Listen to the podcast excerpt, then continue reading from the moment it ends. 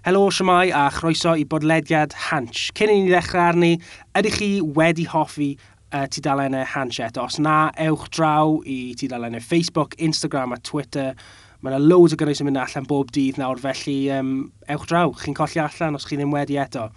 Heddiw ar y podlediad, um, mae Gitorin yn ymuno gyda fi, Cai Morgan, lle ni'n mynd i drafod pwnc roeddwn ni'n bwriadu mynd ati i creu fideo amdano, um, HIV a PrEP ond oeddwn ni'n teimlo y ddau ohono ni cyn creu'r fideo yma, oedd yna gormod o wybodaeth, a lot o straeon personol ynghlwm ar pwnc yma, felly o'n i'n teimlo oedd yn bwysig i trafod HIV a PrEP yn fanylach, yn ddyfnach falle, a podlediad y cyfrwng yma, o'n i'n teimlo oedd yr ffordd gorau o cyfro fe. Felly, gyda, siwmai. Iawn, diolch, sydd wyt ti? Very good, diolch. Diolch am ddod mewn i siarad am hwn heddi mae ma hwn yn rhywbeth ti'n teimlo'n angerddol iawn amdano. Wel, mae'n bwysig achos mae o'n bersonol i fi, ti'n gwybod, a dwi'n credu cyn i ni ddechrau, mae'n jyst cwpl o bethau dwi eisiau pwyntio allan. Dwi ddim yn ddoctor, dwi ddim yn unrhyw ffordd wyddonydd, ond dwi wedi trio ddysgu fi hunan um, amdan y pwnc o HIV a PrEP oherwydd mae o wedi effeithio mae wedi yn bersonol. Um, ti'n gwybod, a dwi'n credu bod yn bwysig deud o'r, or dechrau, lle bod ni'n misleidio mewn unrhyw ffordd. Mm -hmm. Dwi yn HIV negatif, does gen i ddim HIV. Ond be dwi wedi sylwi ydy yr diffyg wybodaeth sy'n. Ddim dim ond i ddynion hoiw, ond i bobl yn gyffredinol amdan HIV, um, sut, mae, sut mae dal HIV, ti'n gwybod, a na be o'n eisiau sôn am, a ti'n gwybod, ymhrofiadau i o gymryd y camau yna i, i, i, gymryd, i berchnogi iechyd rhywiol, um, rhywioldeb fi a pethau popeth fel. So, yeah, dyna be o'n eisiau okay. trafod, really. I fi fel person heterosexual gallu, e, i, gath enni yn y 90au, pan fi'n clywed y geiriau HIV neu AIDS, fi wastad yn meddwl am rhywun fel Freddie Mercury, rhywun enwog iawn hmm. a farw mm. o AIDS yn y, yn y diwedd. Ond mae'n anghywir i fi just cysylltu gyda rhywun fel Freddie Mercury, achos mae pobl heterosexual yn gallu dal HIV Ydy, mae Freddie Mercury oedd o'n ddyn hoiw enwog, ti'n modd, nath farw o AIDS sy'n dod o HIV. Ond yndi, mae unrhyw un yn gallu cael o, ti'n modd, mae'n cael ei drosglwyddo trwy rhyw, so ti'n modd, mae pobl straight, mae unrhyw un yn gallu dal o, ti'n modd, os ewn ni nôl hefyd, ti'n modd, oedd na sôn am Princess Diana, oedd na lun enwog lle oedd hi'n gweithio efo pobl efo HIV, ti'n modd, oedd o'n big thing nôl, nôl yr adeg, bod hi wedi dal dwylo, dal llaw rhywun fy HIV, mae'n gallu pasio trwy mamau yn rhoi genedigaeth, mae'n cael ei basio trwy breast milk a pethau fel yna hefyd. So, ti'n modd, dydy o ddim just a gay man's disease, ond ti'n modd, mae na, mae o yn effeithio dynion sy'n cysgu fo dynion, tywed, maen nhw yn bobl sy'n cael ei effeithio lot fawr gan HIV. Beth yw'r gwahaniaeth rhwng HIV a AIDS? So HIV, clefyd ydy HIV, feirws immunoddiffygiant dynol, sy'n sy'n atacio'r immune system. So ti lot mwy debygol o ddal heintiau eraill. A os di o ddim yn cael ei drin, mae o'n cael ei ddatblygu wedyn a ti'n dal lot o symptomau eraill. A ti'n mad, cwpl o ddynoddoedd nôl, dyna be oedd AIDS, oedd yr, yr stages ola o gael HIV. Ti'n mad, lot o bobl ddim yn defnyddio AIDS ddim mwy, achos dydy'r dy, dy, dy virus byth yn cyrraedd y stage na wan oherwydd meddyginiaeth newydd. Um, so ti'n mae AIDS yn term eitha outdated. Um, ond ia, dyna beth i HIV, mae o'n effeithio ar system immunedd dwi ddim yn ddoctor, dwi jyst i darllen hyn, so dwi jyst eisiau gwneud hynna'n glir. Mae hyn jyst be dwi wedi addysgu fy hun. You know, I rywun sy'n falle'n gwrando hwn, yeah. sydd ddim yn gwybod pwy ti, neu dy digemdir ydi, mm. un o fychynlleth wyt ti? Un o fychynlleth, lle gorau yn y byd.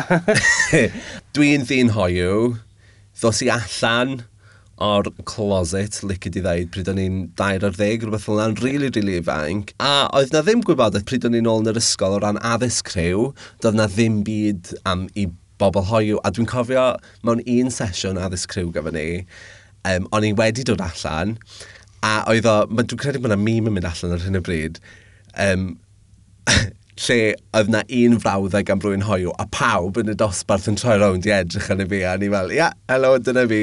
Ond o ran addysg criw, dwi'n cofio mynd i gael HIV test cyntaf fi pryd o'n i'n 17 wow. yn Aberystwyth, yn North Road Clinic. Ac um, oedd o'n rhywbeth eitha scary, a dwi'n credu yn fwy, llai'n dweud achos dwi ddim yn berson straight, ond dwi'n credu mwy i rwy'n hoiw oedd yr er term HIV yn cael ei ddefnyddio, o, os ti'n cysgu fel os o bobl, wyt ti'n mynd i dda HIV. Mm.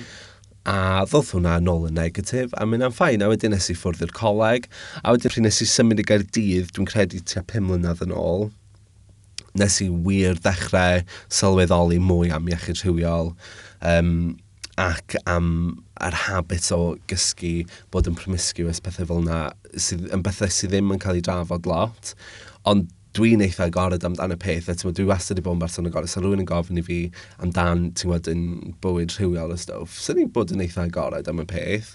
A nath o ddod wedyn o, ti'n gwybod, es i drwy gyfnod, o'n i'n ifanc, newydd symud i dinas, ti'n gwybod, lle oedd na lot o bobl hoiw, oedd, grind, oedd gennau grinder, sef app ar dy ffôn, lle ti'n gallu ffindio pobl eraill hoiw, ti'n gwybod, it's a hook-up app, mm -hmm.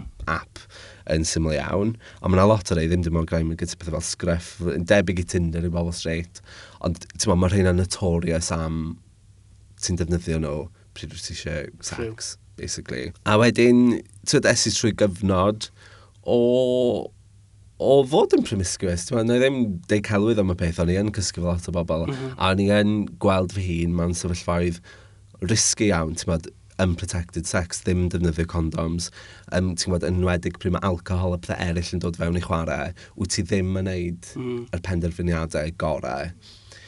A dwi'n cofio... A, so, oedd ti wedi cael, kind of, so, oedd ti'n gweud yn gynharach bod ti wedi cael yr um, HIV test cyntaf ti mm. pan oedd ti'n 17? Ie. Yeah. So, yn symud i'r ddinas wedyn, oedd yr profiad yna o gael prawf HIV am y tro cynta di codi digon o ofn i, i ti, arno ti i wedyn gael, i feddwl, oce, okay, fi nawr yng Nghaerdydd, fi'n mynd i gael mwy o rhyw, mae'r risg yn, yn fwy uchel nawr. Mm -hmm. Ti'n gwybod beth sydd da fi? Fel, Ynddo. Na, i fod yn hollol anna, honest efo ti, nes i o'n i'n rhoi off yeah. nes i symud y gydydd. O'n i'n gwybod bod rai fi fynd i gael testio, ond o'n i'n rhoi off, o'n i'n, ddim eisiau meddwl am y peth. Okay. A wedyn, do, mi nes i, ti'n gwybod, o'n i yn neud pethau mwy risgu, a dwi'n cofio un profiad ges i, lle o'n i wedi cysgu fo rhywun, ddim di defnyddio condoms, a o'n i'n gwybod bod nhw um, yn HIV positif. Wow. So o'n i'n meddwl, rai, dwi wedi rhoi fy hun yn y sefyllfa yma, oedd gen i ddim gwybodaeth ar HIV yn gwbl. O'n i'n terrified, o'n i'n ofn. So, es i'r gymclinig, a nes i ddweud, um, dwi'n meddwl bod fi wedi cysgu fod rhywun, dwi'n meddwl falle bod fi wedi dal HIV.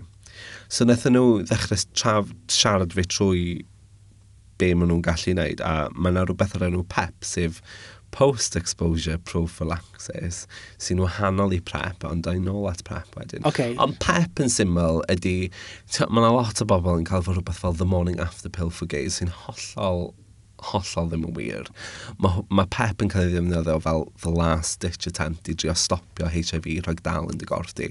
So, so ti'n teimlo bod ti wedi rhoi dy hunan mewn sefyllfa risgu, bod ti wedi dal HIV, wyt ti'n gallu mynd i'r gymclinig lleol, neu os di hyn ti allan i oriau yr gymclinig, wyt ti'n gallu mynd um, i'r ysbyty dy A&E agosach a dweud, os di o fewn 70, 72 awr, maen nhw'n rhoi cwrs o feddiginiaeth iddi ti. Um, a ti'n gorfod cymryd o am 28 diwrnod. Dio ddim yn garantid o weithio, ond mae yna wybodaeth allan yna sy'n suggestio bod o yn stopio HIV rhag dal yn y corff. So mi nes i ar PEP A ni'n meddwl, great, problem solved.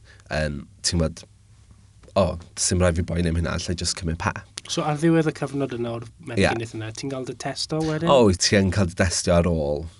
Ond maen nhw'n testio cyn hefyd, achos os wyt ti wedi dal o a bod o ddim yn gweithio, mae rhaid nhw fod yn ofalus efo'r meddyginiaeth. Maen nhw'n rhoi i ti. Eto, dwi ddim yn ddoctor, mae hyn jyst o brofiad personol fi, ti'n gwybod?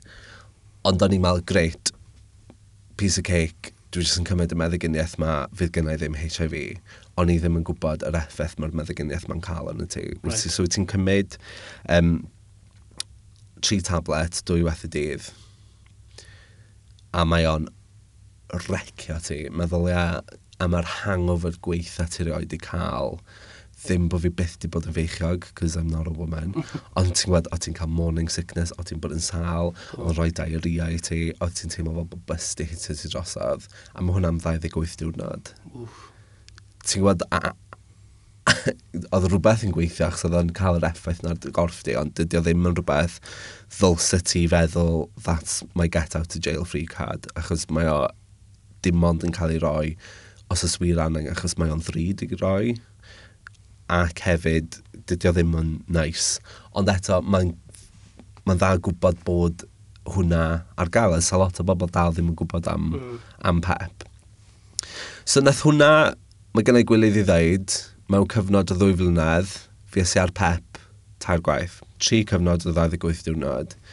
Felly yn syml o'n i yn wneud pethau risgu. O'n i ddim yn hapus fo fi hun, a dwi'n credu mae hwnna ddim byd i wneud efo rhyw o stoff, ond dwi'n credu, tymod, yn bersonol, mae gennau diffyg, tymod, dwi'n ffeindio cael perthnasau yn anodd a stoff, so dwi'n credu o'n i wastad yn berson oedd yn defnyddio rhyw un i validatio fy hun, mm.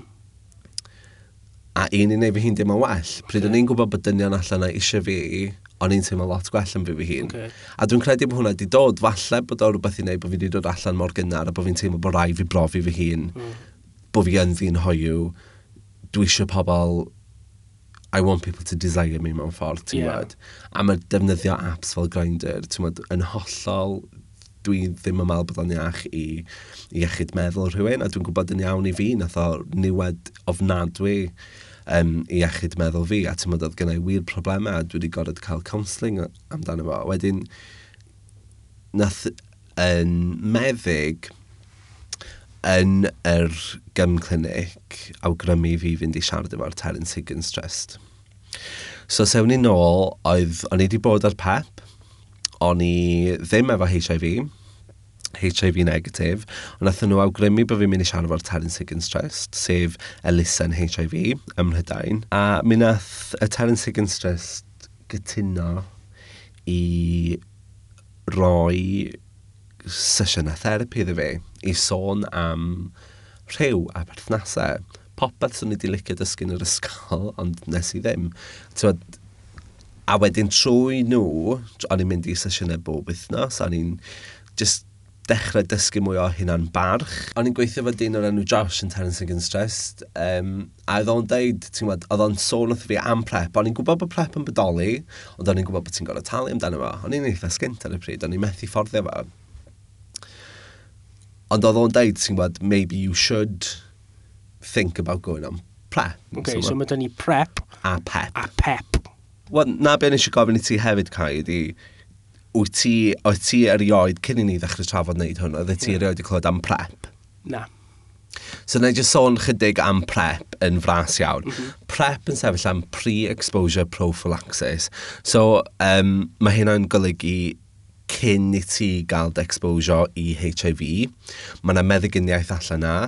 Um, wyt ti'n cymryd, a wyt ti'n cymryd un tablet bob dydd, a mae hwnna yn amddiffyn y corff rhag dal HIV. Mm -hmm. Fel yn dweud, dwi ddim yn wyddonydd, dwi ddim quite yn siŵr sut mae'n gweithio fewn y corff, yeah. ond ti'n gwybod, mae ma yna studies y pethau wedi bod allan na i ddangos bod o yn gweithio.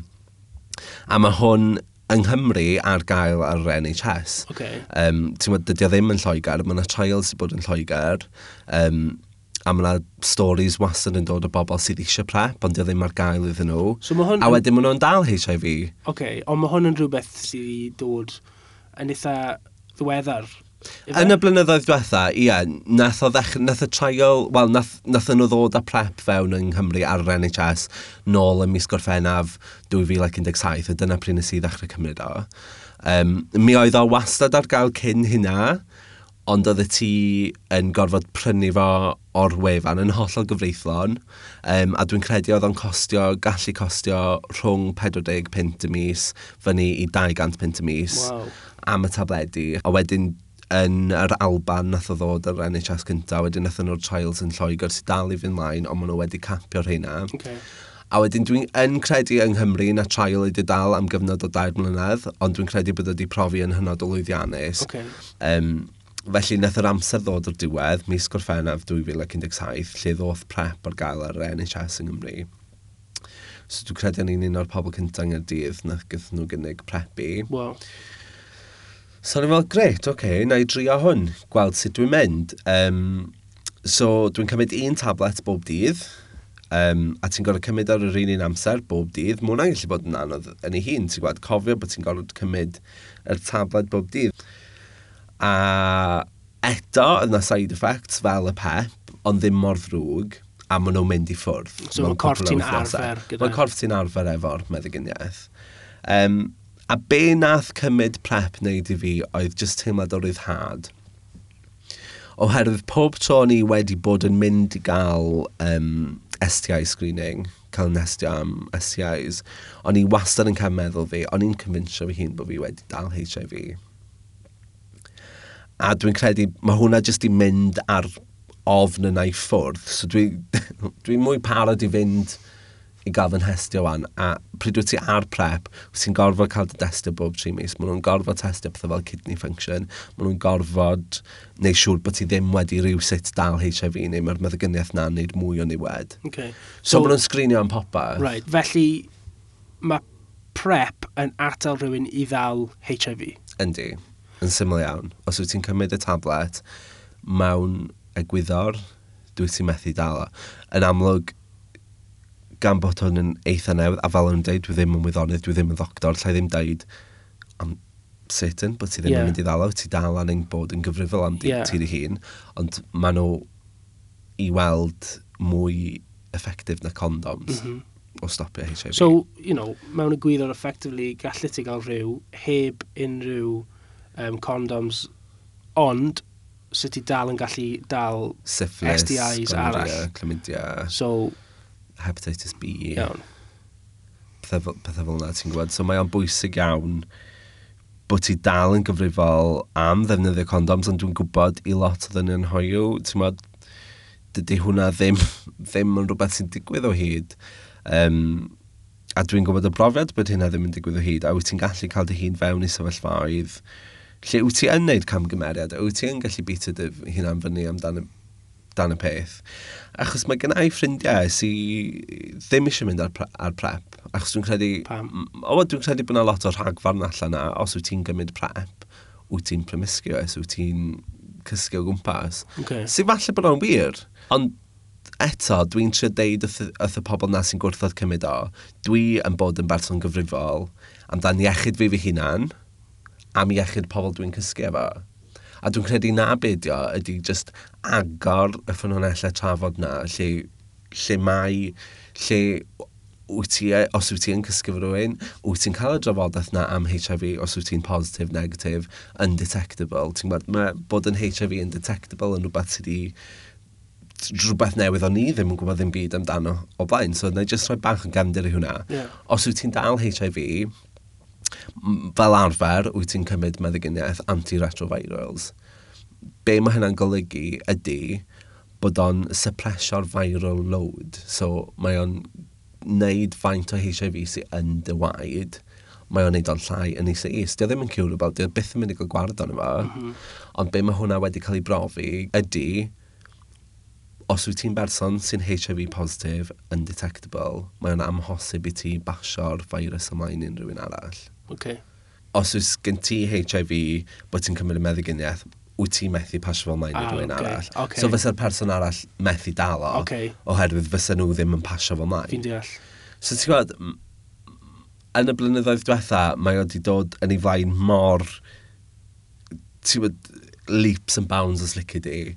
Ond di pobl ddim yn gwybod am hyn, ti'n gwybod, dwi'n gwybod mae gennau lot o ffrindiau hoiw sydd ddim yn gwybod am prep a ddim yn gwybod, ond eto dydy o ddim, dydy pawb ddim yn eligible i gael y chwaith. Ti'n gwybod, mae rhaid ti gyrraedd yr criteria sydd gan bod, y dygym clinic lleol i nhw fedru roi hwn iddy ti. Mm. Um, ond ti'n gwybod, dwi wedi dysgu gymaint am bod yn gyfrifol, gwybod parchu'n horff digon i wybod beth sy'n iawn i fi. A ti'n gwybod, dwi'n credu o'n i wedi mynd trwy'r stages na o fod yn ofn dal HIV, ond dwi wedi addysgu fi hynna'n rwan. Dwi ar prep, ond os fyswn ni byth yn dal HIV, dwi'n gwybod be fysa'r camau nesaf. A ti'n bod, it's not a, it's not a death sentence, na. ddim mwy. Wyt ti'n gwybod pobl sydd gyda HIV? Ynddo, dwi'n nabod lot o bobl. Ond ti'n gwybod, mae lot o nhw ddim yn agored am y peth hefyd, achos mae'n dal rhagfarn na. Dwi'n cofio pryd un adeg, pryd o'n i timod, yn y clinic yn meddwl bod fi wedi dal HIV a ni'n mynd trwy pob senario yn ymhen be sy'n digwydd os fyswn ni'n HIV positif. Ti'n gwybod beth oedd yn mynd trwy meddwl fi? Oedd pethau fel sut dwi'n mynd i rannu mugs yn y gweithle, sut dwi'n mynd i defnyddio'r un yn cyllell a cyllell a fferg. Ond mae hwnna jyst hollol ignorance o ran fi, achos mae'n amhosib ti ddal HIV trwy ysgwyd llaw, tywed, di i fewn rhannu saliva drwy cysanu wyt ti methu dal HIV. Mae HIV dim ond yn gallu cael ei transmitio trwy gwaed, semen, tywad bodily fluids, tywad anal mucus, vaginal fluids, breast milk. Dyna beth sy'n cael, tywad, dyna sut wyt ti yn rhannu, tywad, mae rhannu, mae rhannu sex toys wyt ti'n gallu dal o, ti'n gwybod, a mae yna risky sexual behaviour sy'n mwy debygol ti'n mynd i allu dal o. So ti'n gwybod, mm. Mm-hmm. mae just, dwi'n credu bod o just yn bwysig bod pobl yn gwybod hynna. Um, hefyd, ti'n gwybod, mae pobl, ti'n gwybod, intravenous drug users sy'n rhannu yn y dwyddau hefyd yn gallu dal o. A ti'n gwybod, os ti'n meddwl am y peth pobl sy'n gweithio mewn ysbytau neu sy'n mewn gofal, maen nhw'n dod i... maen nhw'n gweithio fy gwaed lot, ti'n gwybod, so falle bod nhw mm. ar hmm. risg hefyd. Ond ti'n gwybod, mae pethau fel pep wedi bod ar gael i bobl sy'n gweithio mewn ysbytau ers blynyddoedd. Right, okay. Ond i ti fel, i fynd nôl at, at y ti yn yr um, gym clinic na yn meddwl, mm. oh, mae definitely HIV gyda yeah. fi nawr. Yeah. Oedd y ti jyst yn redig trwy'r holl sefyllfaoedd yna, oedd y ti'n meddwl bydde rhywun yn rhagfarnu ti. Yn union, achos oedd gennau rhagfarnu yna fy hun, yeah. achos o'n i ddim wedi edrych fewn i hyn, ti'n gwybod? Na, na.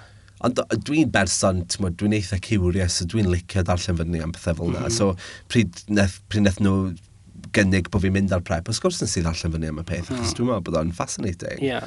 Um, a ti'n gwybod, dwi wastad i dweud mewn byd delfrydol, ti'n gwybod, mae posib cael gwared o HIV, dwi'n gwybod, mae hwnna'n masif thing i ddeud, ond ti'n gwybod, os fysa pawb yn y byd yn cael eu testio, yn gwybod status nhw, ac hefyd, ti'n gwybod, bod nhw ar meddyginiaeth, sy'n gallu repress the viral load, mm. wel, ti'n gwybod, does na ddim byd yn stopio, a mae, ti'n gwybod, mae yna ystadegau allan yna sy'n dangos bod faint o bobl sydd tywed, new infections yn mynd lawr bob blwyddyn, ond tywed, mae'n dal lot o waith i fynd allan yna hefyd. Mm.